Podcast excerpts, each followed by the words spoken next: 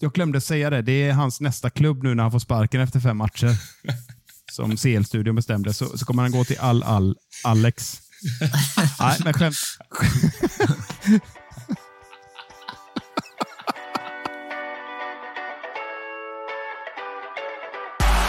Manchester United score? They always score.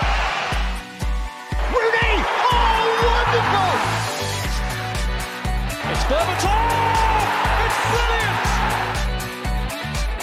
Marcus Rashford! Oh, glorious! That is a special one! It's Beckham!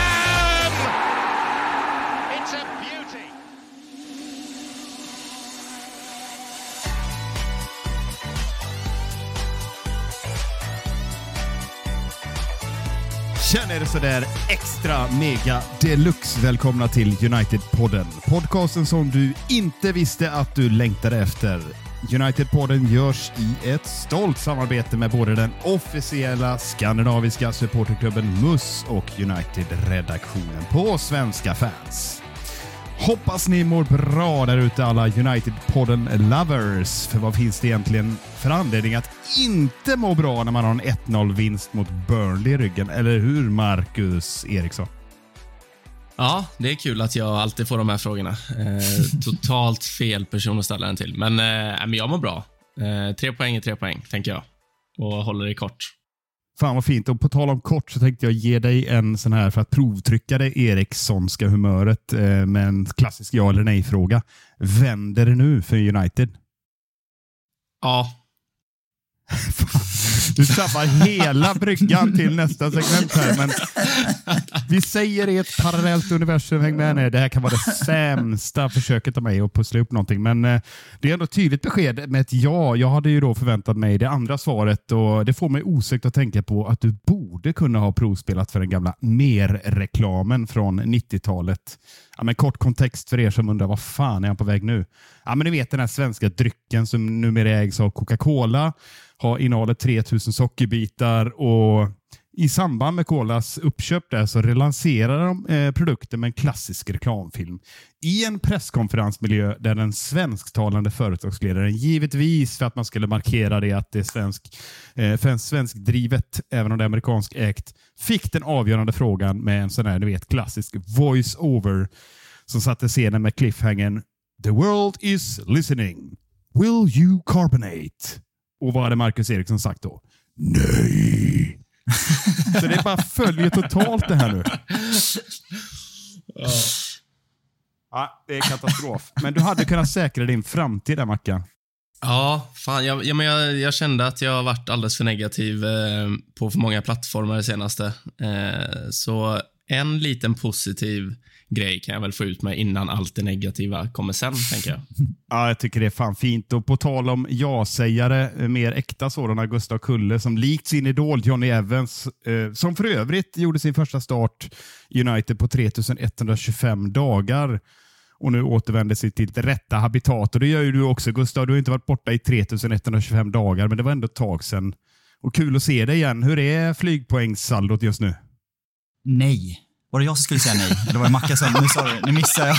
Jag messade något i gruppen innan. Jag hann inte riktigt läsa och jag har inte lyssnat nu heller. Var det nej jag skulle säga det? Var det en fråga? eller? Precis. Eh, jag vet inte om det går att svara eh, på en hur öppen fråga med ett nej, men du får kolla Nej. det på dina retorikkurser där. Jaha, ja, men jag bestämde att det var så. Jag känner redan att jag saknar Adam lite faktiskt. Men, men också kul att, kul att ha med dig här, Micke.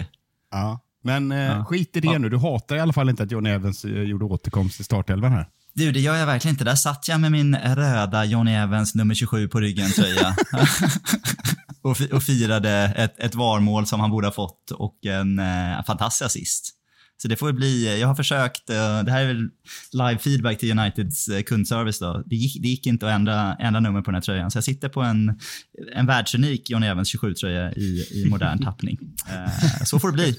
Den kanske tävlas ut i slutet av säsongen. Jag vet inte, vi kanske får, eh, får göra något sånt. Vad, vad hände? Du gjorde ett uttalande i The Athletic och så kom det ett statement från klubben sen skriftligen.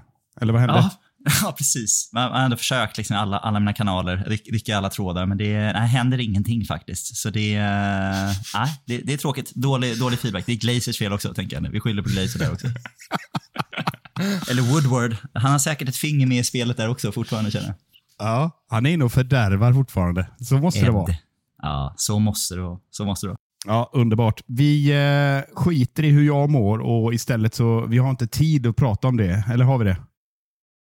Det är väl inte någon som bryr sig riktigt tror jag. Så vi, eh, vi, vi, går vidare helt enkelt Micke. Nej, men ge oss lite, kan du inte ge oss lite content från, eh, du har varit nere på västkusten, har du inte det? Mm, jag har varit på en eh, underbar 40-årsfest. Eh, det var helt fantastiskt måste jag säga. Och eh, missade därför Burnley-matchen och har sett den i efterhand. Eh, det var ju också ett genidrag tänker jag. För jag hade inget att göra igår kväll så, så fick det bli. Men 40-årsfesten var nog kanske roligare än matchen. Eller vad säger fest, fest, Festa med lite, lite ungtuppar då? Kul för dig. Lite inspirerad lite yngre människor du och firar. Mm. Ja, men det är alltid kul att, uh, att få inta den där visa mannen-rollen. För det var även göra den här podden, för det, här är det bara ungtuppar. Mm. Jag har ju sett dig när du har druckit två stycken Negroni och vet att det inte är så mycket vishet kvar då, Micke. Så jag är, är, är något skeptisk mot den hypotesen, men uh, jag spelar med. Jag spelar med för att ge hela kontexten till er lyssnare så vi kan konstatera att det var typ två vinpaket och tolv öl plus två Negroni. ja, ja, ja, ja, ja. Nu är Även kallat stora balkongpaketet. ja. ja, där är du en, en eventmänniska. Mm. Ja, underbart. Nu, nu har vi definitivt inte tid att fastna här, utan vi rullar såklart vidare. Manchester United har i sedvanlig ordning haft en berg och dalbanevecka där det krävts tung medicinering för att eh, kunna hantera och fungera i vardagen. Helt enkelt, så resonerar nog ganska många. Men om vi börjar med att återbesöka Champions League-premiären så förlorade United med hockeysiffrorna 3-4 mot den tyska bjässen Eisbären Berlin. Nej, jag menar Bayern München såklart. Och eh, Resultatmässigt råder det inget tvivel om att det var i trakter av en hedersam förlust, men spelmässigt så var jag United aldrig riktigt i närheten. Mackan, hur upplevde du den här matchen? Känns som man har sett eh, den här matchen eh, 20 gånger det senaste året, eh, eller de senaste två åren, att vi faktiskt spelar rätt bra första 25-30 minuterna och så får vi ett mål, och så, eller ett mål emot oss och så viker vi ner oss efter det. Eh, och det som, det som stör mig mest är väl att jag, jag tycker väl inte att vi är så jäkla dåliga. Det är bara det att vi är så tafatta defensivt och på mittfältet och vi släpper in alldeles för enkla mål. Bayern München är inte särskilt bra och gör fyra. Eh, det är väl det som stör mig lite. Eller stör mig mycket, för att tala klarspråk. Så eh, nej, jag, tycker, jag tycker insatsen offensivt är eh, ganska bra. Defensivt äh, är den äh, urusel. Mm. Jag hakar också på det. Man, det var lite blandad förtjusning med några ljusglimtar och lite sån här känsla att i och med att det var just Bayern München borta så satt jag liksom och tänkte så här, fan, fan, vi gör ju ändå tre mål. Det ser bitvis bra ut. Men, men Gustav, eh, såg du bara ljusglimtar eller såg du också ett litet mörker? Nej, men det, har väl, det ligger väl ett litet mörker just nu över, över allting som, som rör vid Manchester United de senaste veckorna, eller kanske till och med senaste månaden eller två.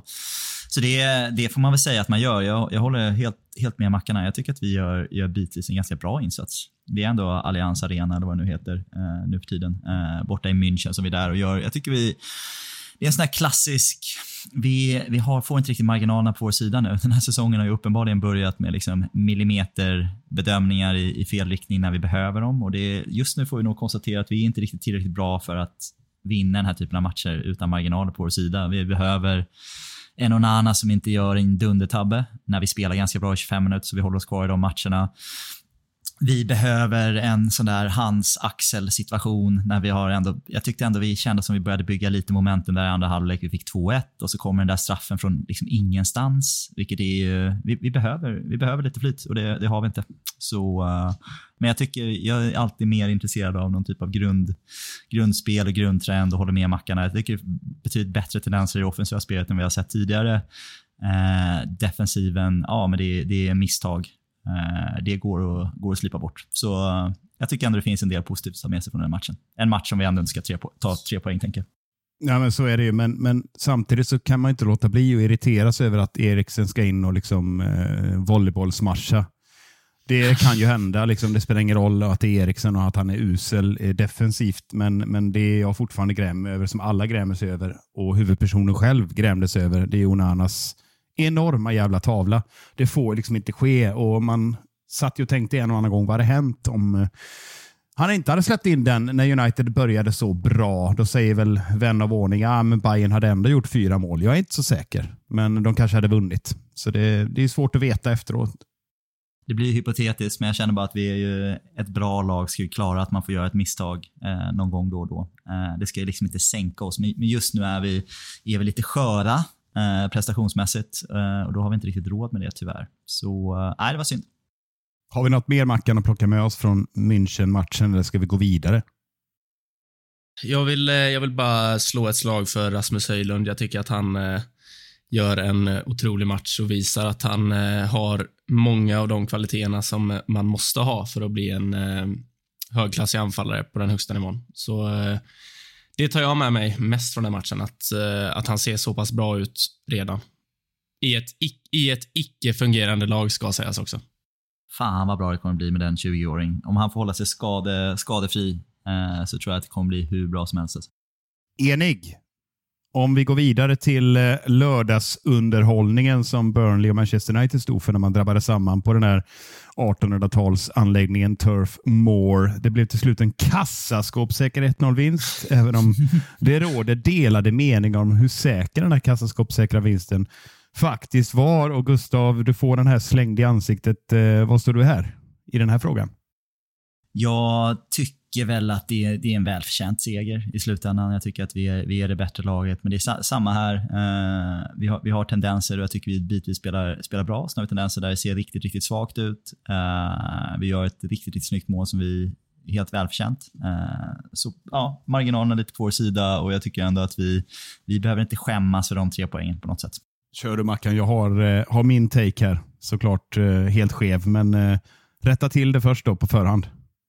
Ja, jag, jag vet inte om jag håller, eh, håller med helt här. Jag tycker att eh, om man kollar rent spetsmässigt så, eh, så är United ett bättre lag än Burnley. Men eh, ser man prestationsmässigt över hela matchen så tycker jag att Burnley är klart bättre. Det Burnley saknar är ju den här individuella kvaliteten där uppe. Eh, Johnny Evans. Som de, de saknar John Evans i mitt försvar som, eh, som eh, får ordning på saker och ting. Nej, men ja. jag, jag tycker att Burnley gör en eh, faktiskt väldigt bra match. Eh, I mångt och mycket, men de, de, de, de saknar spets helt enkelt. Eh, och Jag tror att United har lite tur att de gör det. Eh, för ser man till ja, men ser man till bollinnehav, antal skott, eh, alltså hur de, eh, hur de stora delar av matchen faktiskt äger spelet, så eh, så med lite otur, en felstuds här och där, så hade det kunnat bli en eh, tappad poäng eller till och med en förlust, känner jag. Jag, jag vill bara liksom ta det här på en liten annan eh, nivå först. Jag tänker att det är klart att eh, majoriteten av alla United-fans där ute som sitter och ser den här matchen på en lördagkväll. Man offrar liksom det för att se Burnley borta när United har ganska tung tid bakom sig. Så är man ju oroad på förhand. Men det jag sitter och irriterar mig lite grann på, som jag tror faktiskt har en bidragande orsak, det är det här så kallade narrativet som sätts runt United. Jag tycker eh, den svenska Viaplay-bevakningen är verkligen experter på att eh, alltså, nagla fast United i att allting är katastrof. Det spelar liksom ingen roll. Alltså det blir så enormt skevt tycker jag i mångt och mycket. Eh, så diskussionen i studion, diskussionen under matchen från Gode Strömberg eh, och Claes Andersson som också liksom manar på det här i att när United har bollen i backlinjen och bollar runt och letar luckor, då heter det att alla står still. När Burnley, som hade 66 procent eller vad det nu var, Eh, 62-38 eller kanske var till slut, står och bollade väldigt ofta mellan sina mittbackar. Då hette det att man hade tålamod. Så jag tycker bara liksom att Visst, de vann hörnorna med 8-3 eller vad det nu var och de hade bollinnehavet, men det var typ 12-11 i avslut och 4-4 på mål. Eh, United tycker jag har minst lika heta lägen. De har väl två. Onanas räddning på nicken och sen stolpskottet då som, som är ju liksom flyt att vi klarar oss undan. Men i övrigt så tycker inte jag Burnley kör över United och framförallt inte i andra halvlek. Där, där är det verkligen helt rätt att bevaka 1-0-segern. Och med tanke på att vi inte är där just nu, att vi spelar ut alla lag, alla matcher. Vi är ju så långt ifrån det spelet som det bara går. Så blir jag jävligt trött på det här att man i alla situationer ska liksom bekräfta de här bollarna man har skickat upp för att smasha in. Ja, nej, men jag, jag, jag, jag, hoppar in där med en gång och känner ändå att det är, jag, jag, tycker att det är, en bra, det är en bra vinkel du har. Vi har pratat om det här tidigare, att eh, det, är, det, är, höga krav på United. Och det är ju, det är ju, vi har hög fallhöjd från saker som har hänt, hänt tidigare, saker vi har lyckats med tidigare i vår, vår nutidshistoria. Eh, och då är liksom måttstocken svår att mäta sig mot. Jag tror att det är, är den store filosofen Phil Dunphy från tv-serien Modern Family som säger att a key to a happy birthday low expectations. Eh, och det är, väl det, vi, det är väl det vi drabbas lite av när vi, att det, liksom, vi har väldigt, väldigt höga förväntningar på United. Med all rätt kan jag tycka. Men eh, det gör ju också att det, det, slår hårt när vi inte riktigt lyckas. Så är det. Och jag bara vill lägga till Mackan innan du kommer in här och, och eh, tycker till. Så, så jag tänker liksom att klart, jämför vi med, Manchester City, eh, då är ju allting vi gör total katastrof. Då köper jag narrativet. Eh, Arsenal, vi får se hur det går. Eh, visst, Liverpool och Tottenham har också börjat bra. Ska vi titta på Chelsea så hamnar vi på något helt annat. Så att jag tycker att det finns ursäkter till varför det ser ut som det gör, men jag vill bara ha det sagt en gång för alla. Det tror fan att inte jag är nöjd med det som det ser ut här. Jag är bara trött på att man ska hela tiden leta efter att eh, allting är katastrof. Och Det tycker jag framförallt många pandits och svenska tyckare är väldigt duktiga på. Jag tycker det blir så jävla skevt. Nej, men jag, jag, är väl, jag är väl mest åt det där katastrofletandet i, i den här podden och eh, har så varit i hela mitt supporterliv. Eh, du har inte jag, haft det lätt.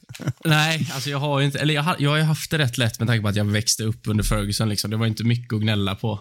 Eh, då fick man ju anstränga sig för att hitta någonting att gnälla på. Eh, de senaste tio åren har det varit ganska enkelt. Man har inte behövt, man har inte behövt leta så länge för att hitta någonting för att störa sig på. Eh, sen, är, sen är väl jag ett sånt klassiskt offer för, för höga förväntningar. Jag säger till mig själv liksom att håll nere förväntningarna, du, du blir bara besviken. Och ändå sitter man här och bara, vad fan håller de på med? Alltså, hur mm. kan vi vara så långt efter? Så det, det, är, det är ju svårt, alltså, men eh, det är väl så det är som supporter också. Man är väldigt känslostyrd och eh, jag är uppvuxen med ett United som var bäst i världen. Jag har liksom svårt att, svårt att eh, sänka mina förväntningar eh, så pass eh, långt som det ibland kanske krävs. Hur tänker du här Gustav på liksom egna förväntningar kontra... Du har ju varit med ännu längre än Mackan. Nästan lika länge som mig. Nej, men jag har nog, om jag ska vara helt krass och ärlig så är det så att jag har fått så jävla mycket United eh, liksom, glädje i mitt liv. Man, man, kom in rakt på en jävla räkmacka och under sina prime-år som supporter så fick man se en, en av de mest fantastiska engelska liksom, generationen växa fram under en av liksom, tidernas största tränare och dominera en, en liksom, engelsk fotboll framför allt, men även framgångar i Europa med en trippel och liksom som peak. Eh, när, man är, när jag var 12 år gammal då, liksom, då liksom, fotbollsintresset är liksom, absurt. Jag kunde räkna 100 United-affischer på väggarna så kunde man se oss vinna trippen samma år. Liksom. Så det är ju, jag har någon typ av ödmjukhet tror jag i att jag är beredd att ha ett helt liv nu utan titlar för att liksom betala priset för all den glädjen jag har haft. Så jag känner att mina, mina förväntningar är lite lågt ställda. Med det sagt så, så är jag förstås, alltså jag är lika frustrerad jag att se det här. Jag går ju också in när vi ska möta Burnley och hoppas att vi ska fortfarande vinna matcherna med 4-5-0 och dominera och spela jättebra. Uh, och ibland så gör vi ju det och då får man ju upp förhoppningarna lite och så som Mackan säger så dras man in lite i den där valsen igen. Men eh, jag känner ändå att jag är ganska bra på att hålla, hålla förväntningar rimliga. Mm. Ja, men jag, jag, är helt enig. Jag, jag tycker det var lite kul där med ditt buddhistiska eh, förhållningssätt till livet. Där. Jag är beredd att lida. Avhållsamhet. Ja, det är, min, eh, det är min stoicism. Eh, de gamla grekerna eh, Aristoteles och de där, där, där, där gillar jag att hamna. Alltså. Men det får vi ta i en separat podd. Men däremot det jag vill, skulle vilja poängtera här, det är så här blir det när Adam inte med. Nu kuppar du in någon typ av Talk of the Town-ämne här, när vi inte ens har börjat med Talk of the Town. O obegripligt vad det är du sitter och gör här. Så här blir det, blir liksom, körschemat blir helt skevt. Micke, vad är det du håller på med? Ja, jag har det här för att jag avslöjar aldrig för er. För jag tyckte det var på sin plats att ändå djupdyka ner i, i förväntningarnas jävla träsk som vi befinner oss i det. Men skit i det nu. Jag tänker att eh, Mackan ska få ta oss tillbaka till eh, verkligheten. För det är dags att summera spelarprestationerna. Och såklart, veckans macka är medicinen för det. Och I förra veckans avsnitt så noterar jag att du återvände till den här elektriska motorsågsmassakern när du kastar om segmentet till din fördel. Eh, vad använder du för verktyg den här veckan? är jag nyfiken på. Nu är jag snällare igen. Oj. Nu, eh, nu blir det en eh, klassisk, så som vi tänkt utforma veckans macka. Eh, med med två, två bra spelare och en eh, sämre. Låt höra. Mm. Eh, men jag, jag, tänker för att avsluta den här veckans macka på, eh, på ett positivt sätt så inleder vi med det sämsta här. Då. Eh, och jag har svårt att se förbi vår kära skotska mittfältare eh, som eh, ser ut att ha tappat all lust eh, att spela fotboll för Manchester United. Eh, gör inte någon glad för tillfället.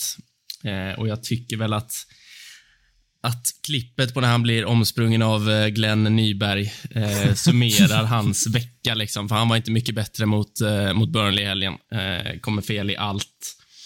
Eh, står i passningsskugga i 90 minuter eh, och ser bara allmänt eh, loj och tung och trött ut. Och det, det har han inte gjort innan, även om han haft Även om han har haft sina brister så har jag tyckt att han alltid har gått in och vunnit dueller och sprungit mycket, men eh, inte ens det gör han nu. Eh, så jag vet faktiskt inte vad han gör på det här mittfältet. Eh, det var förhoppningsvis hans sista start på ett tag i en viktig match.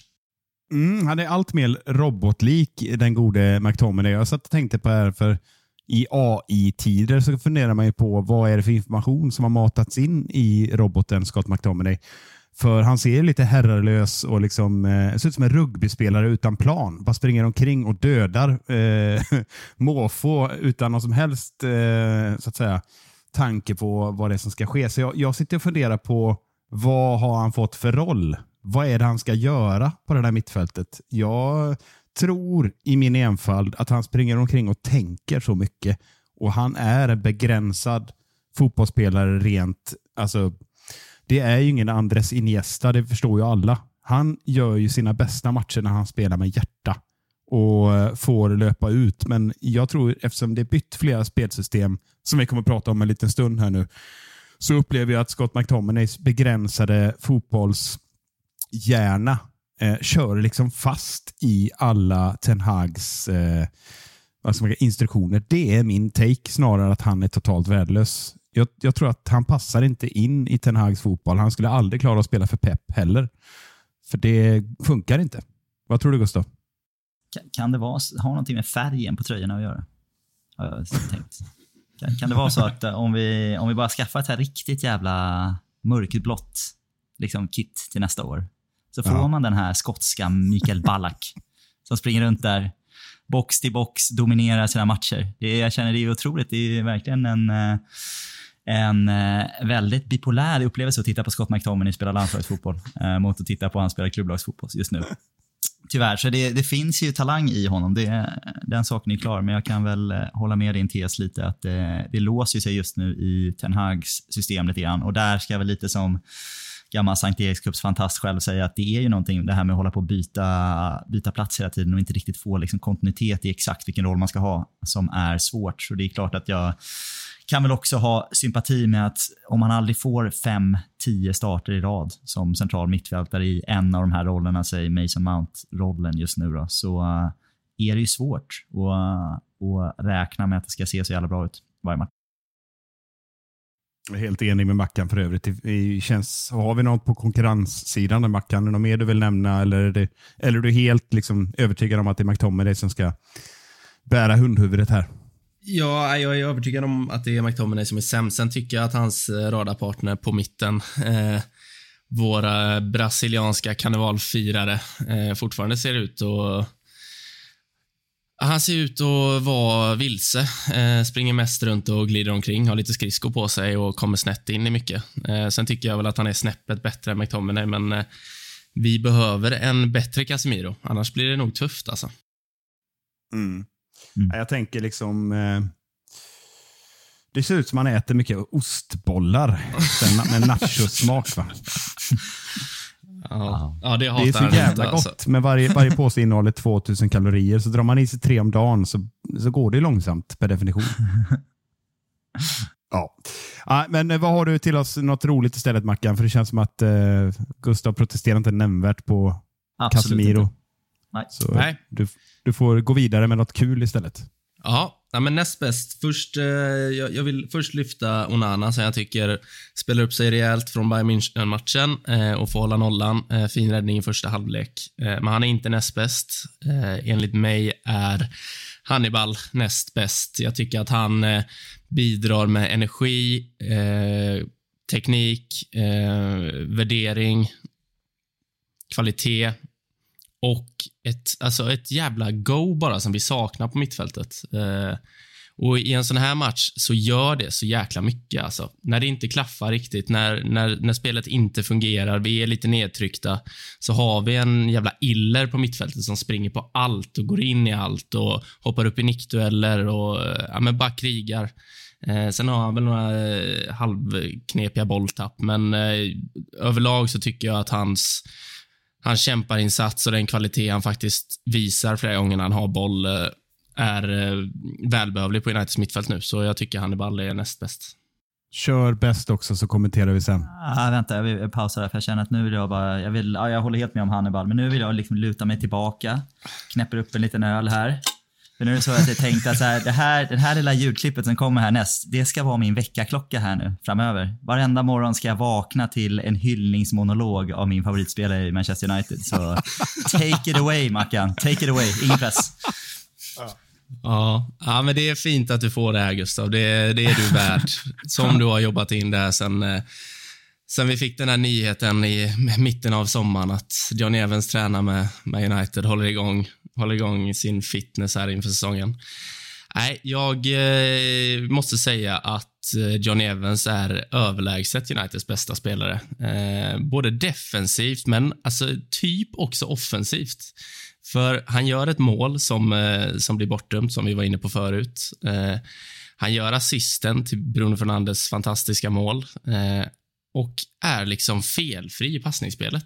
Både med vänster och höger fot. Jag kan inte tro mina ögon när jag ser det. Jag tänker, vem är Lisandro Martinez? Vi har ju en eh, 35-årig nordirländare med fötter som Berbatov i mittförsvaret. Så eh, Nej, jag tycker att han gör allt rätt mot Burnley. Jag tycker inte att han äh, sätter en fot fel på äh, 87 minuter eller vad det är han får. Äh, så nej, John Evans klart bäst och jävligt kul att se att han är tillbaka efter 3125 dagar och bidrar med all den erfarenhet och ledarskap som han faktiskt besitter. Så eh, nej, eh, välförtjänt och solklar man of the match enligt mig.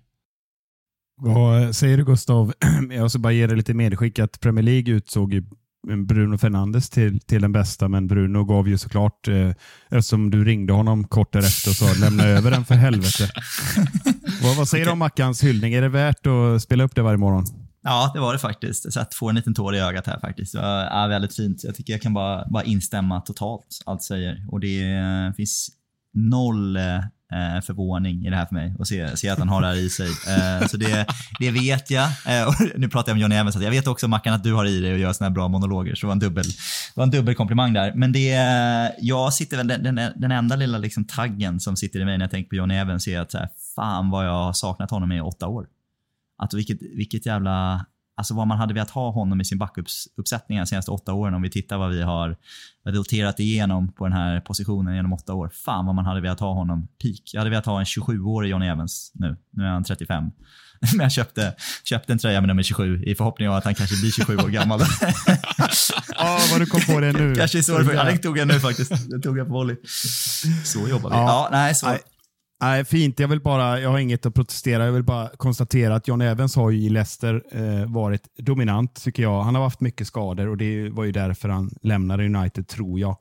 Eh, för att man kunde inte se den riktiga kontinuiteten. Han är fantastisk, tycker jag, i sättet att komma in och vänta på sin chans som kanske något oväntat kom ganska tidigt nu och jag håller bara med. En fantastisk insats. Han pekar och styr och är den där ledaren som vi har saknat tillbaka eh, nu när Rafael Varan har varit skadad. Men eh, jag skulle vilja tycka till lite om Hannibal och här får jag många emot mig tror jag. Jag tycker inte han är näst bäst. För jag, jag tycker att han bidrar med det sistnämnda du nämner, energi. Och Det tjatade ju alla om eh, runt det, att det är en fantastisk energi och han slutar aldrig springa. Han vill någonting till skillnad från Scott McTominay såklart. Men eh, jag tycker ju Brunos avslut är värt att vara näst bäst. Alltså, vilket jävla avslut det är. Alltså. Uh, ja, jag, jag hoppar in här snabbt. Jag tycker att Brunos mål är redan nu en kandidat till säsongens mål. Fantastisk teknik i allt han gör där. Men jag tycker att han försvinner ur matchen förut, förutom målet han gör så kan jag inte komma på en aktion han har eh, i vår offensiv. Han har en löpning i, i, i början där han eh, löper in eh, snett eh, in i vänsterläge och tar ett avslut mot första stolpen. Ah, ja, ja, just det. Just det är väl det, han det. gör. Ja, och det tycker jag är, med de kvaliteter han har, så förväntar jag mig alltid lite mer än, äh, av honom. Äh, och jag tycker inte att han får ut det den här matchen, förutom världsklassmålet. Eh, så nej, ja, och det kan vara för att han satts på en kant. Jag vet inte, men jag tycker Hannibal är bättre. The key to a good birthday, low expectations, Mackan. Low expectations. jag säger det igen. Philosophy, Phil Dunphy. Mm. Ja, det är fint. Vi avslutar eh, det här segmentet med de visdomsorden.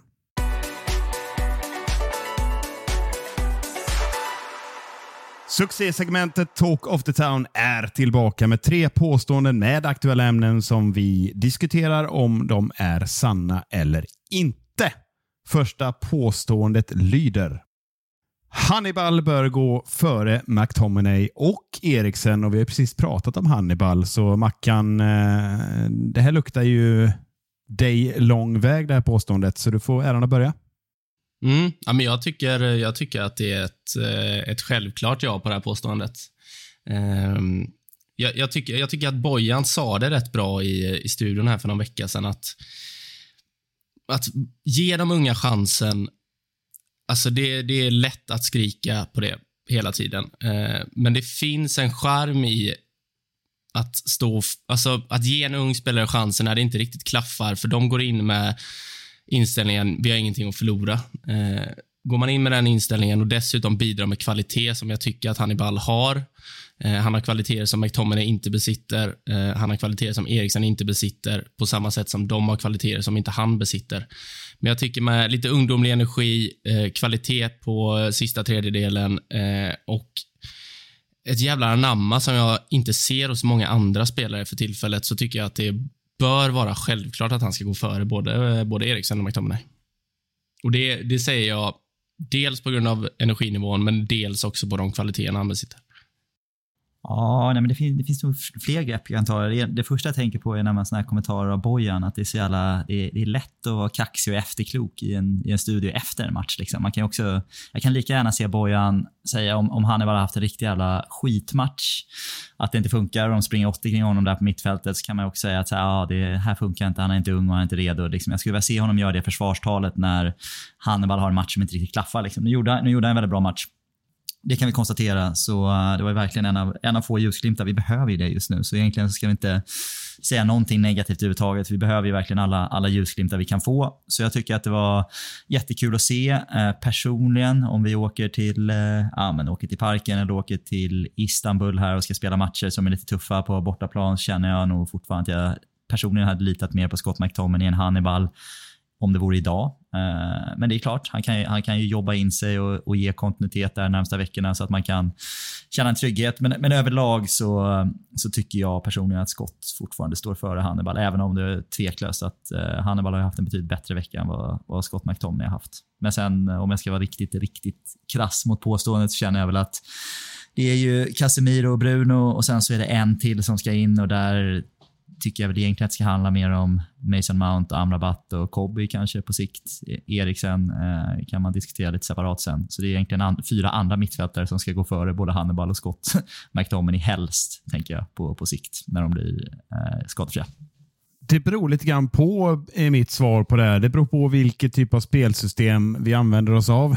Det kommer vi prata igen. Andra cliffhangern här. Jävlar vad vi bygger upp här i United-podden. Men jag tänker att eh, i grund och botten så är det Mason Mount han ska utmana eh, när han är tillbaka. Och Då är det här en icke-fråga egentligen tycker jag. Och det är klart att Mount inte har rosat marknaden eh, i sina inledande matcher innan han blev skadad. Men men naturligtvis är inte Hannibal på den nivån än. Det kan man faktiskt inte säga, tycker inte jag. Man måste ge Mount chansen i det här systemet. Men, men beroende på matchbild framöver så är inte jag alls främmande att Hannibal kommer få chansen. Eh, som du är inne på lite grann Gustav, så Christian Eriksen ska ju spela mot vissa lag. Så är det ju. När, och vi får liksom, eh, spelet att flyta lite, då kommer han göra det jättebra. Men han ska inte spela varje match och inte McTominay heller. Absolut inte. Men som det ser ut just nu så tycker inte jag det är helt fel att kasta in Hannibal. Det måste jag ändå säga.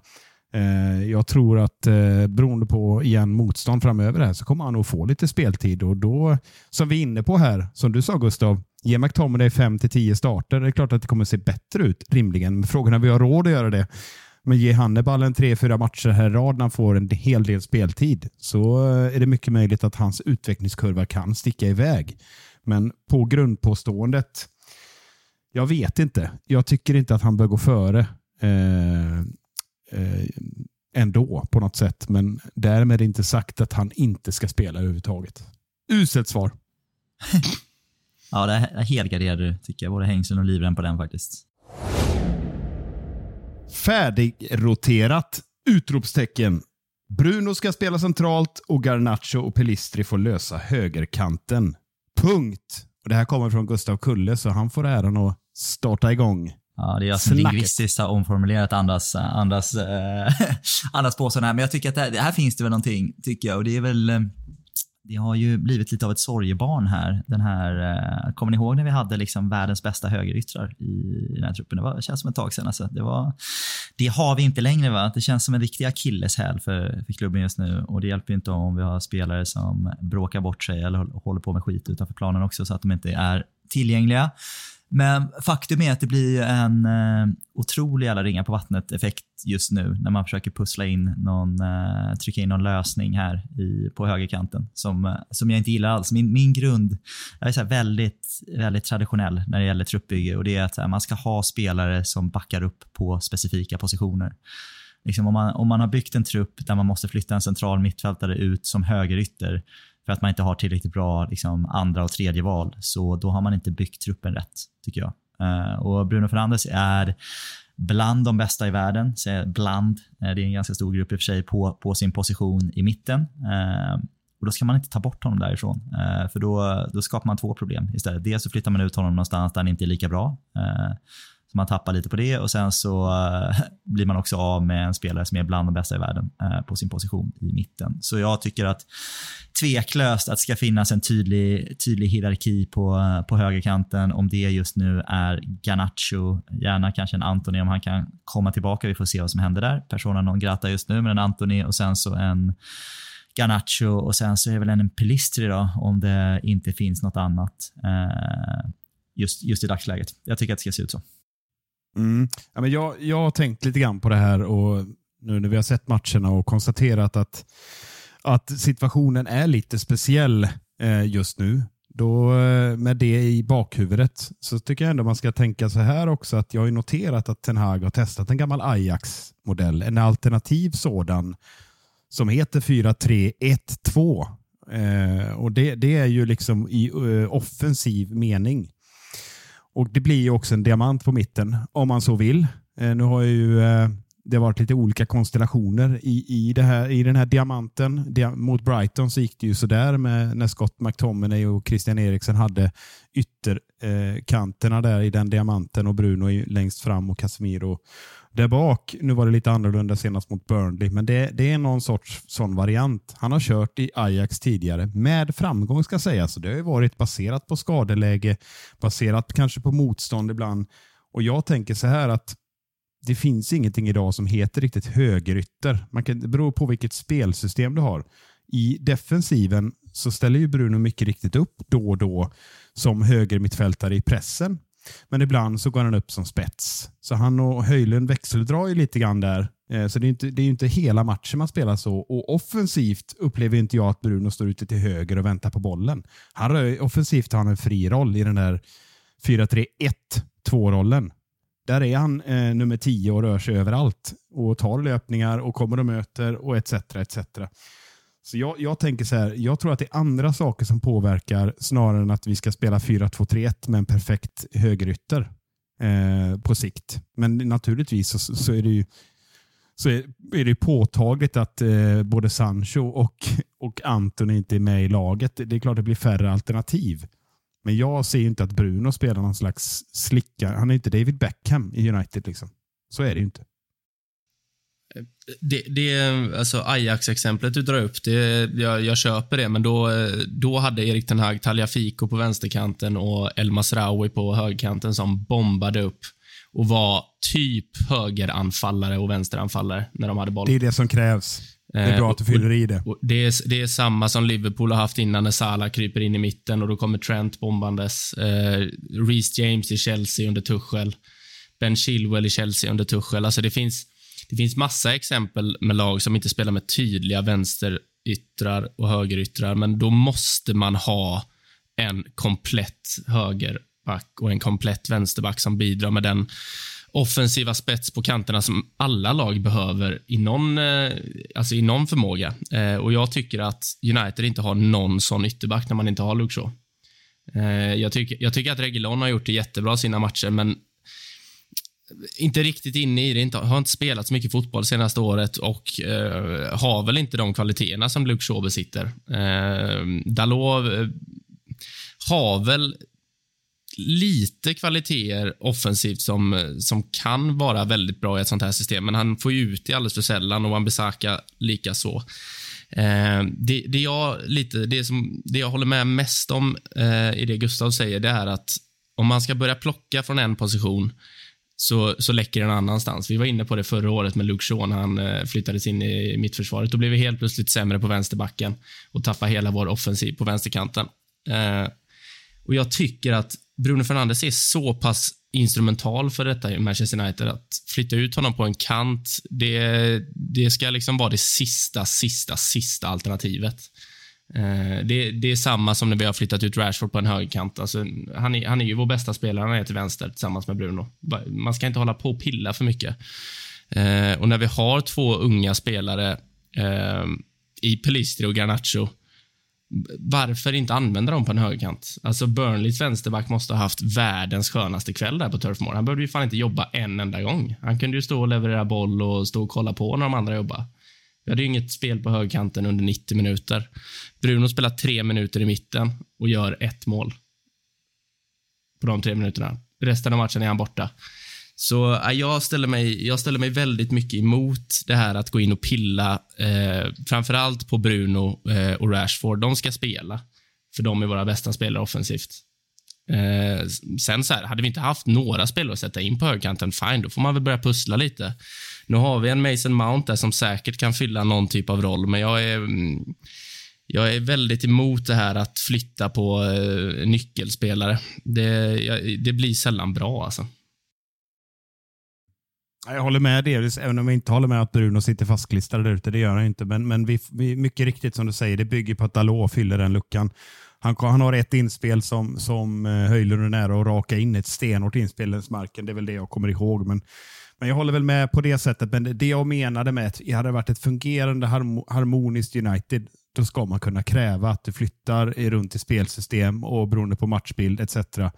Då, då hade det funkat, hade vi inte haft diskussionen. Men, men naturligtvis så, så inser jag att det är klart att hade vi haft Anton i, i, i växande form utan eh, persona non grata-grejer på sig så eh, är det klart att då har vi ett bättre alternativ där. Absolut. Det, men det är, det, är också, det är också, eh, som jag kan störa mig lite på, eh, det är Alltså jag är, jag är bara för flytande anfallsspel och byte av positioner och, eh, och allt det där som tillkommer. Eh, men när vi ställer upp en formation så tycker jag att många av spelarna blir liksom stående där. Eh, sen säger jag inte att eh, Bruno Fernandes är fastklistrad på kanten, men han, han är ju inte alls lika involverad och det blir inte alls det här positionsbytet med Hannibal eller med, med Rashford eller med Höjlund, att man, att man skiftar lite, utan nej, idag spelar jag högerkant. Och det, eh, alltså, om det ska vara så, så då får vi ändå ha en högerytter där, kan jag känna. Eh, och Sen är jag väl också lite emot det här att Pelistri har stått för pigga inhopp och visat att han har en del vassa egenskaper och så får man chansen borta mot Bayern München och ställs mot eh, världens bästa vänsterback för tillfället eh, och gör en, gör en ganska svag match och sen, eh, sen, eh, sen är man bänkad nästa match. Det blir också lite skevt. Verkligen, verkligen. Nej, men jag håller med. Och sen, vi har ju ett till namn, Amad Diallo, som, är, som varit skadad nu, som man tycker han skulle kunna vara i den där, i den där turordningen också. Jag, eh, ja, men jag håller med mångt och mycket om det ni säger. Eh, framförallt så tror jag den här kedjeeffekten på att vi inte har ytterbackarna som backar upp, eh, backar upp de här ytter, ytterpositionerna. Det är liksom det är markant att vi har en väldigt bra vänsterkant när vi har en Luke Shaw och Marcus Rashford. De är samspelta, de har fått spela många matcher tillsammans. De vet hur de ska jobba i försvarsspelet tillsammans och de vet hur de ska överlappa och jobba i anfallsspelet tillsammans. Men den kontinuiteten har vi inte haft på högersidan på jag vet inte hur länge som helst. Jag kan inte komma på en typ dynamisk högerytterduo sen Gary Neville och David Beckham på, på riktigt. Jag vet inte, hjälp, hjälp mig liksom. Men det känns som ja, det har ja. varit Valencia, Juan Mata, Adnan Januzaj. Det har liksom varit allt man har provat lite på den här kanten som aldrig riktigt har funkat. Jag såg ändå en rolig take på tal om det. Det var en gammal fin bild på Johnny Evans och eh, ja, ni vet våran otroliga trollare från Portugal, Nani. Så, så, han spelar ju fortfarande vad som sa, fan kan vi hämta hem eh, eh, Johnny Evans, ska vi lika gärna hämta hem Nani så löser han våran högerytterstrul. jag tycker det var skönt. Ja, Nani var fin. Jag gillade, jag gillade Nani. Lite, lite ibland gillade jag honom. Ja, nej, men det är inte, inte Eller som alltid. Jesper Husfeldt en gång sa, onani. ja, det är han vi har mellan stolparna där bak nu. Ja, oh, Husfeldt. Han är två plus igen. Men det är, han är så nej. jävla... Han är så jävla, förlåt Husfeldt, jag måste bara säga det nu när jag sågade hans uttal. Han är så otroligt vass på att imitera. Det, det, det, jag gillar alla som kan imitera. det, är dina, det är dina gubbar. Det är det. det är dina ja, gubbar. Holmgren är fin. Scott Stevens kommer hit, Peppe Nils, det blir kurr, kurr! Ja, oh, fy fan. Du ekar igång dig själv på det här. Ingen ber om det, men vi, vi får ändå. Det är, det är så vanligt. Ja, det är härligt. Det gillar jag. Nu vill jag liksom ägga igång dig på en Christer Ulfbåge som snackar om eh, Anna-Karin. Nej, jag skojar. Vi behöver inte köra skitskyttet med Ulfbåge där. Vi sparar den. Men, eh, nej, men det är väl alla, det känns som att vi har tömt det ganska mycket, men jag tycker ändå en, en reflektion är, det här ska ju vara Garnachos plats att förlora just nu om man tittar på att Antoni och, och Sancho saknas. Det känns som att han fortfarande är en sån spelare som gör väldigt bra inhopp, ser väldigt spännande ut, men när han väl får starta så eh, ser det inte lika bra ut. Och för mig så är det, det är väl ett tecken på en viss omognad eller ungdomlighet. Han är inte riktigt där än. Han, han klarar inte av att göra de här det, det, är annat att spela, spela 90 minuter eller förbereda sig på att spela 90 minuter än att komma in i en ganska liksom, färdig match man har suttit och tittat på i 70 minuter och få 20, 25 minuter. Eller 20 minuter plus 18 minuters stopptid som det är just nu på, på matcher. Så uh, jag tror att det är, han har liksom, uh, han sig själv att skylla där. Jag, jag, vill jättegärna se honom mer. Jag tycker det är en supertalang. Men uppenbart så tror inte Ten Hag tillräckligt mycket på honom i 90 minuters situationer. Annars hade han ju, vi hade inte debatterat det här, givet hur, hur bra han har varit i inhopp under både den här säsongen och förra säsongen. Vi syr ihop det här påståendet eftersom vi har varit ute och seglat ett tag med en ja eller nej på Ska Bruno spela centralt eh, och Garnacho och Belistri får lösa högerkanten Mackan? Ja. Gustav? Ja. Och jag säger nej. Då har det äntligen blivit dags för veckans Town Hall. Men innan vi ger oss i kast med just veckans Town Hall så tänker jag att vi summerar förra veckan. Och Det påståendet löd ju om United missar Champions League-slutspelet så får Erik Ten Hag sparken. Och eh, det blev väl ganska tydlig övervikt för nej-sidan här som vi noterar 85,345 procent tror det var Gustav va? Det saknas en decimal om jag vill ha fyra, men det är okej. Okay. Det börjar närma sig. Mm. Hur som helst, majoriteten tycker inte detta. De tycker att Ten Hag sitter säkert, för att citera ett underhållningsprogram. Men eh, vad lyfter vi upp här då? Jag noterar väl lite grann att eh, bland annat, vad hade vi? Mattias Krekula säger så här, kan eller bör? Frågetecken. Med tanke på vad som skett tidigare så givetvis kan han det. Personligen vill jag se utveckling i spelet snarare än bara resultat. Jag vill se oss totalt dominera och kontrollera matcher, något vi inte gjorde förra säsongen eller hittills denna säsong. Då är jag lite nyfiken på, håller du med om det Mattias säger här, Macka? Eh, ja, det, eh, det håller jag väl med om. Sen, eh, sen är det väl en liten sån, eh, liksom, en sån fråga som, eh, som man är ju väldigt sensations... Eh, alltså det är en sensationsrubriksfråga. Liksom. Bör Erik Ten Hag få sparken efter fem matcher? Ställer man den frågan fem matcher in i en säsong, det, det är klart det blir lite skevt. Men eh, jag vill också se en utveckling i spelet och eh, att vi faktiskt eh, har en tydlig linje i vart vi är på väg. Och Det tycker jag väl inte riktigt vi har sett. Men det Mm. tycker jag samtidigt ska det, det ska man väga in i slutet av den här säsongen, inte i november eller december där Champions League-gruppspelet är klart. Nej, det var ju du som fingrade här på det här eh, fem matchers. Det var ju någon annan i, i eh, fotbollsmedia som tyckte, tyckte det var en bra idé att ha det narrativet inför Champions League. Vem kan det ha Eh, varit? Första matchen, vem kan det ha varit? Han får ringa in oss 099 990 90. Den enda, den enda fråga. riktiga Gugge som finns där ute. Så kan Finns det vara ledtråd. Ledtråd. Vi har ett till här innan vi går vidare eh, från Johan Lind som säger nej! Utropstecken. Ten Hag måste få tid.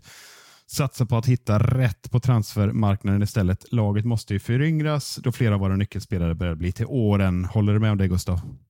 Eh, ja och nej tror jag. Det är väl, jag, jag håller absolut med att han ska få tid och att vi ska fortsätta bygga hans, eh, hans trupp, de gubbar som han behöver. Eh, sen så är, är vi verkligen en åldrande trupp alltså. Jag är inte helt säker. Det kanske är. Jag försöker lite snabbt göra överslagsräkning i mitt huvud nu. Det är väl Casemiro som är över 30 och har, har en viktig roll, men annars så är vi väl ganska, känns som vi har ganska bra åldersstruktur på laget, eller? Mm. Vi, vi hinner inte ta den på uppstuds, men Varann, Lindelöf, alla är nära 30 eller 30. börjar närma sig, det är sant. Men 30, Vi har Ma- 30 Maguire nu för tiden, det är 58. nya, det är nya 25 liksom, känner jag, på den moderna fotbollsspelaren. Det är liksom fotboll, fotbollsspelare blommar, vissa äpplen blommar på hösten. Johnny Evans, 35 år gammal. Nej, så jävla fint. Nu har vi hört tillräckligt mycket om John Evans, så istället så nyper jag till påstående som jag själv svarar på såklart. Kan Arteta komma åtta sina två första säsonger och nu 75 säsonger senare och har fått fart på laget så är det fullt rimligt att ge Erik Ten Hag minst tre säsonger innan vi utvärderar. Tack för det, mördargren som du heter. eh, Eller något. Eh, jag Är håller ditt alias, 100%. ditt alias Mikael? Ja, det är mitt troll-alias. Nu går vi vidare till veckans Town Hall som lyder. Ten Hags försök att implementera en ny spelmodell kommer att kosta honom i jobbet. Och Mackan, det här hatar inte du att ta tag i. Nej, men jag, jag vill höra dig först här. Nu har du eh, suttit och varit moderator och delat ut, så nu ska du få börja. Mm, tack så du ha. Jag visste nämligen att det skulle bli så. Det är inte inövat, kan vi säga Gustav. Nu sitter Nej, det, men- för, första segmentet där satte ni inte. Det, och det övade ni ändå på tre gånger innan vi började spela in. Och nu sätter ni det. Obegripligt hur inkonsekventa ni är. Jag saknar Adam. Ett jävla tjat om Adam. Kan jag få börja någon gång eller? Ja, kör nu då. Ja, tack.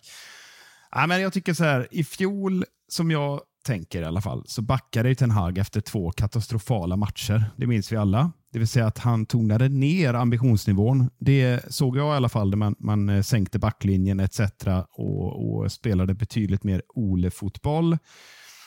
Jag tänker att i år har det blivit någon slags liknande utveckling, men skillnaden är ju att vi har haft 300 skador och dessutom på nyckelspelare som var tilltänkta att driva igenom den här förändringen som jag tolkar med att vi ska föra matcherna och vara betydligt högre upp i plan. En mer riskfotboll eh, fotboll såg jag framför mig att han ville spela. Lite Aja, alla all, Ajax heter de. Men jag tror liksom vi, eh, vi får ju gå tillbaka. All Ajax, är det någon ny sån Saudi? Saudi-klubb. Jag satt och tänkte samma sak. Just det. Det är hans... Alla. Eh, jag glömde säga det. Det är hans nästa klubb nu när han får sparken efter fem matcher. Som CL-studion bestämde. Så, så kommer han gå till Al-Al Alex. Nej, men skämt.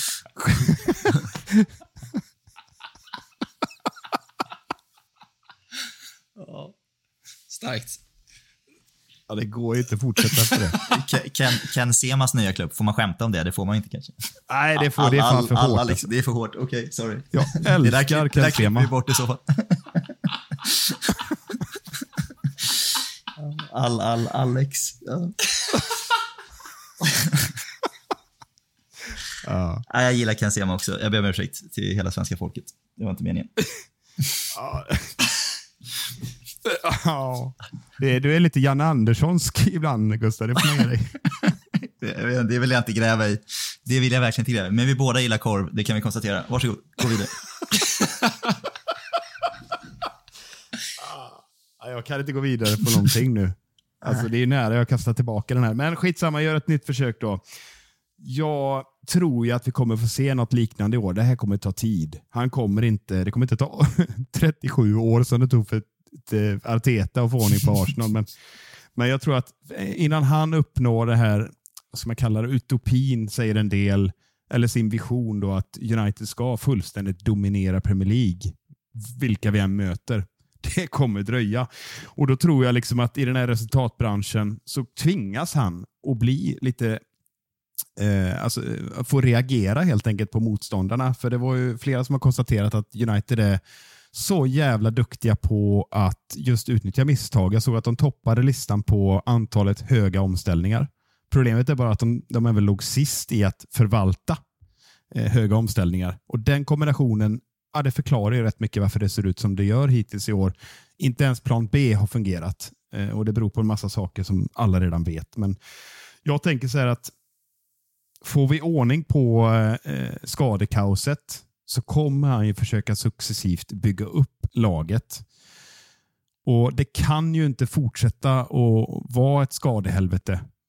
Och med tanke på kvaliteten som ändå finns i truppen i stort så vore det väl konstigt om han inte fick ordning på det likt i fjol. Så att man kan vila lite med den typen av fotboll tills det börjar gå bra och man får upp självförtroendet och sen successivt vissa matcher försöka stretcha det här och gå all in i spelmodellen. Jag ser något sånt framför mig. Jag ser liksom inte det här naiva att han fortsätter att, med ett skralt mittfält eller med eh, 57 valet på, på, i backlinjen försöka nöta in det här, utan just nu försöker han bara överleva. Och Som svar på det här påståendet som jag i stort sett har glömt av här. Jag tror inte det här kommer kosta honom jobbet, för jag står fortfarande bakom Ten Hag. Och jag eh, tror att han har insett att han eh, spände bågen för högt även i år och behöver retirera. Ja, men jag hugger på den då. Nej, men jag, eh, jag håller väl med i mycket du säger och det är klart att framförallt spelar ju skadorna stor roll i år. Eh, det hade påverkat vilket lag som helst. Såklart. Eh, det jag har varit inne på tusen gånger i den här podden, det är att jag fortfarande har väldigt svårt att i stora stunder när vi spelar se vad vi faktiskt vill uppnå när vi har bollen. Eh, ja, alltså United är ett väldigt bra kontringslag. Vi, eh, vi straffar våra motståndare på ett väldigt bra sätt. Eh, jag tycker att pressspelet har blivit bättre sen den här kom. Eh, och jag tycker eh, i mångt och mycket att defensiven har blivit my my mycket bättre, eh, förutom inledningen av den här säsongen, sen den här kom. Men jag saknar mönster, jag saknar, eh, jag saknar tydliga... Alltså det, det, känns som att spelarna inte riktigt har koll på vad de ska göra. Lite som du var inne på med McTominay där. Eh, och Då är det lätt att dra jämförelsen till Pep Guardiolas lag eller till De Serbis lag eller till Fergusons alla United-lag genom åren att varenda spelare visste vad de skulle göra när de ställde sig på planen. Eh, och Det tycker jag att man borde kunna se mer av eh, efter, vad blir det, har han varit här i 15 månader nu.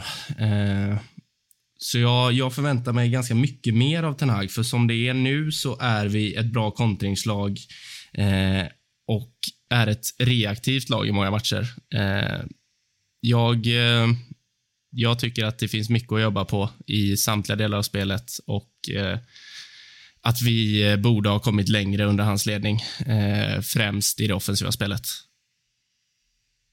Sen om det kommer kosta honom jobbet eller inte, det, det tror jag inte. Det tror jag inte, inte, den, inte detta året, men jag, jag tror att han eh, behöver visa mer och jag tror att laget behöver eh, bli mer samspelta för att det ska funka och ge resultat i längden. Ja, väldigt bra. Men den, som den diplomat och fredsmäklare är så hoppar jag in här med någon typ av eh, sån här liksom, någon blandning här av båda era svar och, och syr ihop det. För jag tycker ändå det finns, det finns delar här jag verkligen håller med er från, från er båda. Håller 100% med Mackans slutkläm här. Eh, det måste, spelet måste höja sig. Det måste bli mer samspelt. Jag hade hoppats på att man skulle ha sett tydligare linjer i vårt anfallsspel efter 15 månader med Ten Hag.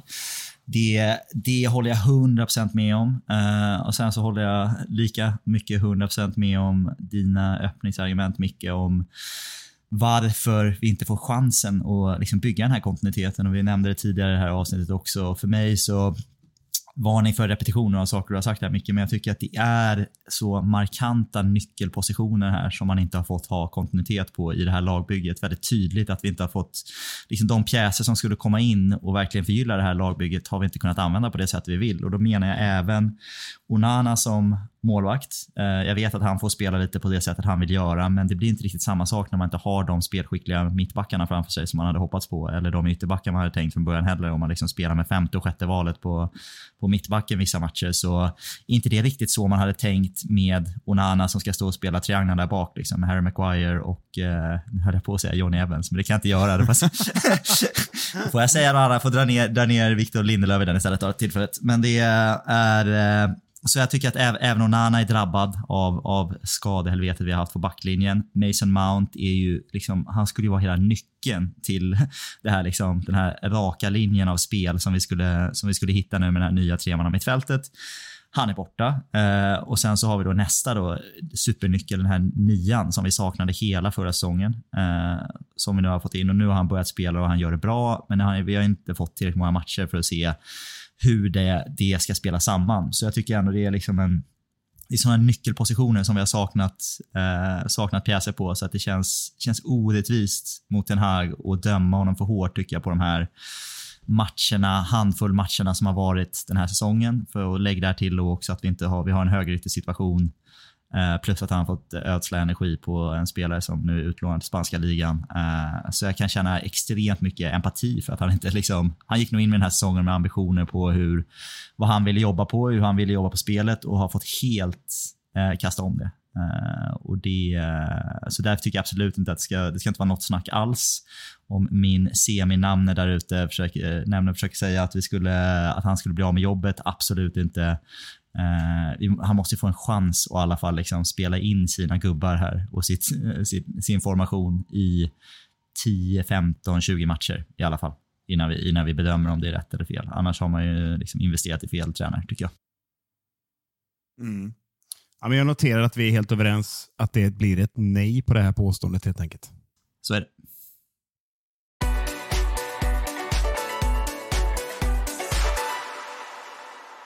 På lördag klockan 16.00 tar vi oss an Roy Hodgsons Crystal Palace för andra gången på fem dagar. Och givet det här delikata läget när vi släpper avsnittet utan att prata om den här ligacupmatchen så tänkte jag Gustav ska få börja med att postumt dra en motståndarkoll på Crystal Palace och sen eh, vända perspektiv och eh, fundera kring eh, vad vi har att vänta oss på lördag. Men eh, innan vi går till lördagens match, eh, hur gick det egentligen här mot Crystal Palace i tisdags, Gustav?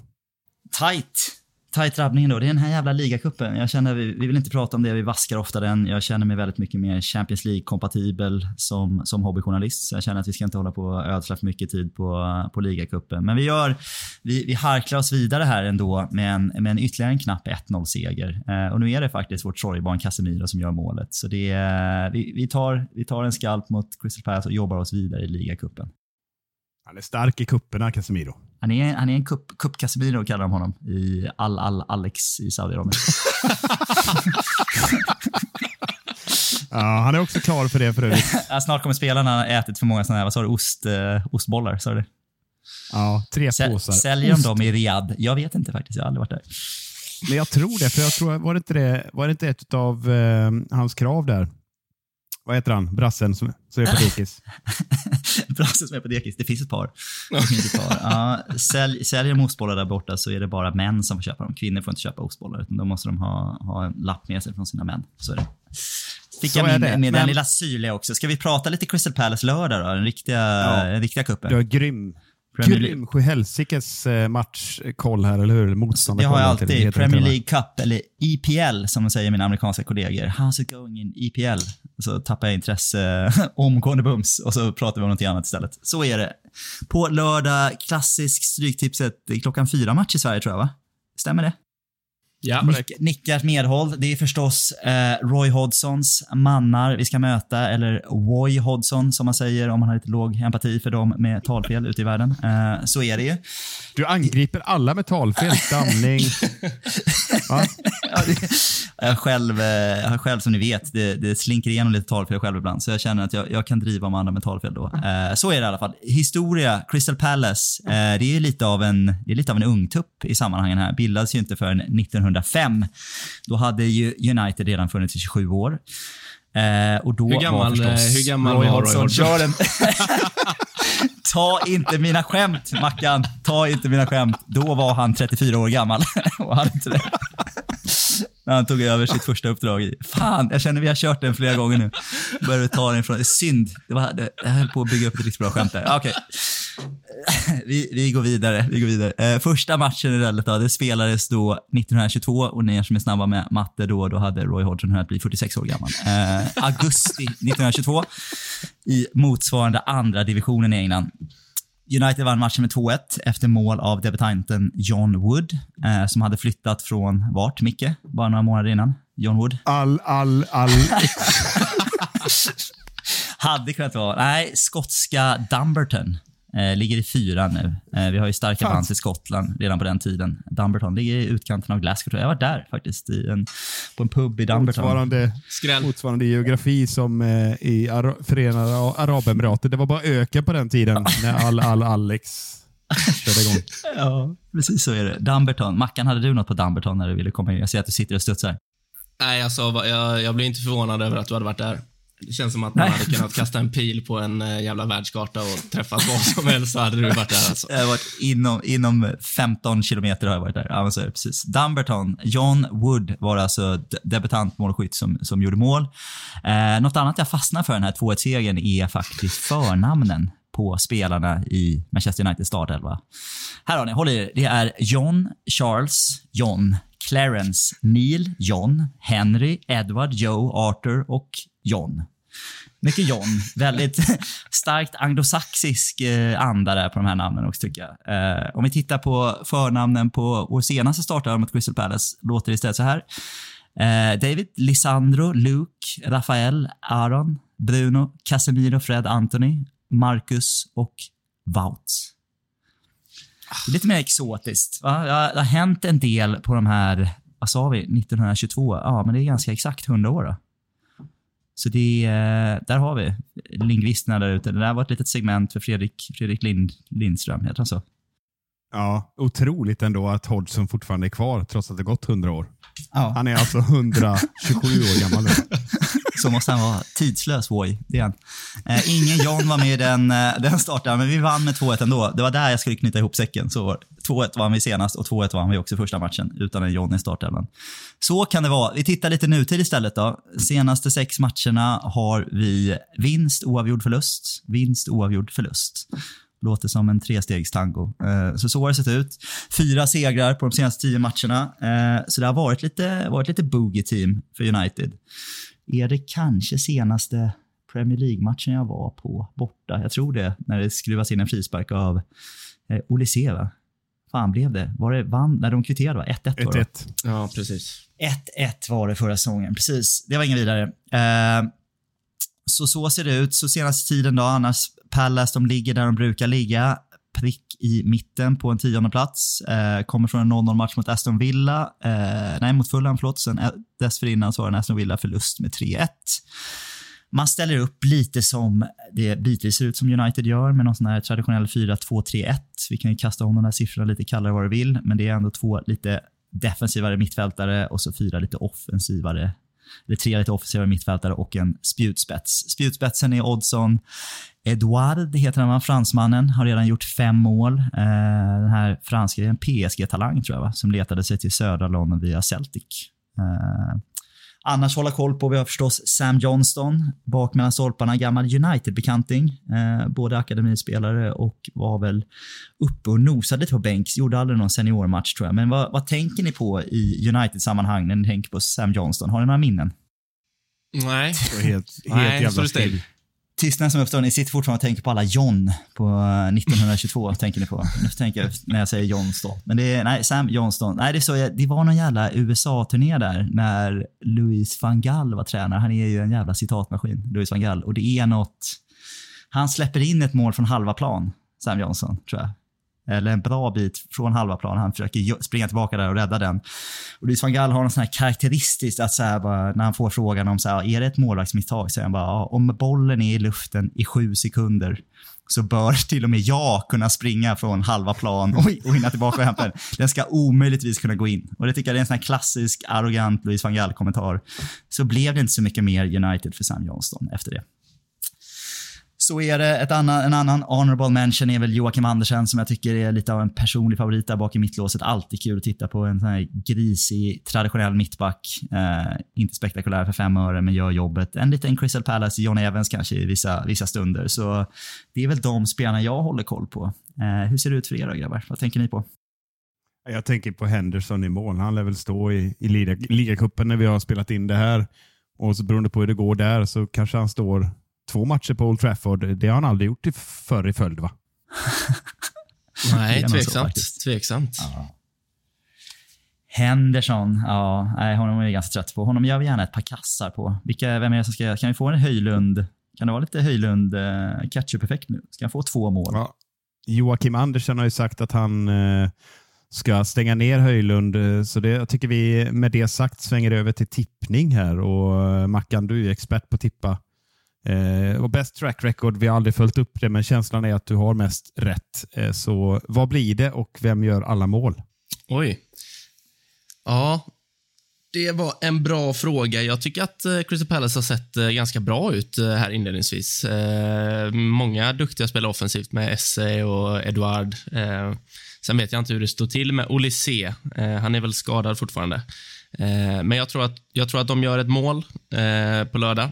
Eh, men jag tror bara att det blir ett mål och jag tror att United gör tre. Så jag säger 3-1 United. Och just det, mål. Eh, fan, jag tyckte jag avslutade så jävla bra där. Eh, med lite stuns i det. Men jag säger att Höjlund gör två och Rashford gör ett. Kontring på det, Gustav. Det behövs nästan inte faktiskt. Det var, var i de banorna jag satt och filade också. Men jag tänker att vi kanske kan eh, få in ett fjärde också. Att det är Johnny Evans som får ett ordentligt mål nu. Eh, ut, utan att VAR-domarna går in och förstör det här. Då sitter jag där och jublar i min tröja nummer 27 eh, när Johnny Evans sätter den. Så det, det ser jag fram emot. Då säger jag att eh, United vinner med 1-0 och det är Bruno Fernandes som fixar det. Jag tror han kommer in i ett stim nu. 1-0 på straff i den 94 minuten. Danny. Det låter som en rolig, rolig match. Ja, det tar vi. Innan vi rundar av veckans avsnitt så ska vi som vanligt plocka upp några härliga frågor vi har fått från våra fantastiskt aktiva lyssnare, eller hur? Visst är ni sugna på det? Alltid Jajamän. sugna. Skjut på va? Ja, eh, inverterad ytterback undrar när kommer avsnittet? Frågetecken. Ja, eh, så snart som möjligt svarar vi på det och så eh, hoppas vi på att det är onsdag när du lyssnar på detta. Fina inverterad ytterback. Nej, men jag tänker så här. Eh, jag vill att Mackan tar tag i den här frågan från Zigzag. Hansen mot Tottenham. Skillnaden i bedömning mellan Manchester United och Arsenal. Samma situation. En blir straff, den andra frias. Och så en sån här gammal fin clown-emoji Ja. som understryker vad han tycker. Vad säger du om det här, Mackan?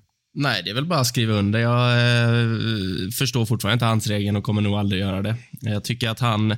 Det var ju någon sån domargubbe i Skys studio nu igår och skulle diskutera skillnaden här mellan eh, varför det blev straff på Emirates och varför det inte blev straff på Tottenham Hotspur Stadium och lyckades med konststycket att inte svara på den frågan när det var den enda frågan han fick. Och Jag tänker att det är väl hans regeln där, för han vet nog inte riktigt varför det blev så. Eh, så eh, handsregeln kommer vi aldrig bli kloka på. Det kommer vara tusen sådana situationer de närmsta åren och eh, det kommer aldrig vara konsekvent, så vi får nog vänja oss vid det. Mm, då skulle jag vilja lyfta upp en parallell frågeställning där eh, som kopplas till det zigzag och du är inne på här, nämligen att eh, Höjlund, eh, eller John Evans mål blev bortvinkat för att Höjlund hade kontakt med målvakten, men Akanji kunde eh, se ut som en jävla sprattelgubbe och det målet godkändes för City. Vad är konsekvensen där då? Det, det har jag ju svårare att, svara på, för att jag upplever att sådana mål har alltid blivit bortdömda sen VAR eh, kom. Eh, så varför målet på Etihad eh, stod, det vet nog ingen. Där hoppar ju till och med Akanji över bollen. Så nej, jag vet inte fan. Men jag, jag, upplever att det, det är nog snarare en en händelse som inte kommer, eh, inte kommer bedömas så olika som eh, hans situation gör. Det tror jag inte. Och Det intressanta i sammanhanget som jag glömde nämna är att domare Tony Harrington som dömde här mot eh, Burnley var ju den som satt som VAR-domare eh, och tillät Akanjis jävla flaxande gå igenom. Och han blev avstängd för det till och med. Så att, ja, Oh, det, fi få, det, finns kan... ju såna här, det finns ju såna här United-supportrar där ute som eh, snackar om att det är en konspiration och sånt. Jag tänker att riktigt där är jag inte än. Eh, och dit vill jag inte komma. Men eh, jag, jag, tror som sagt att hans situationer kommer vi gräma oss över hur många gånger som helst. Eh, såna här offside-situationer, inte lika många tror jag inte.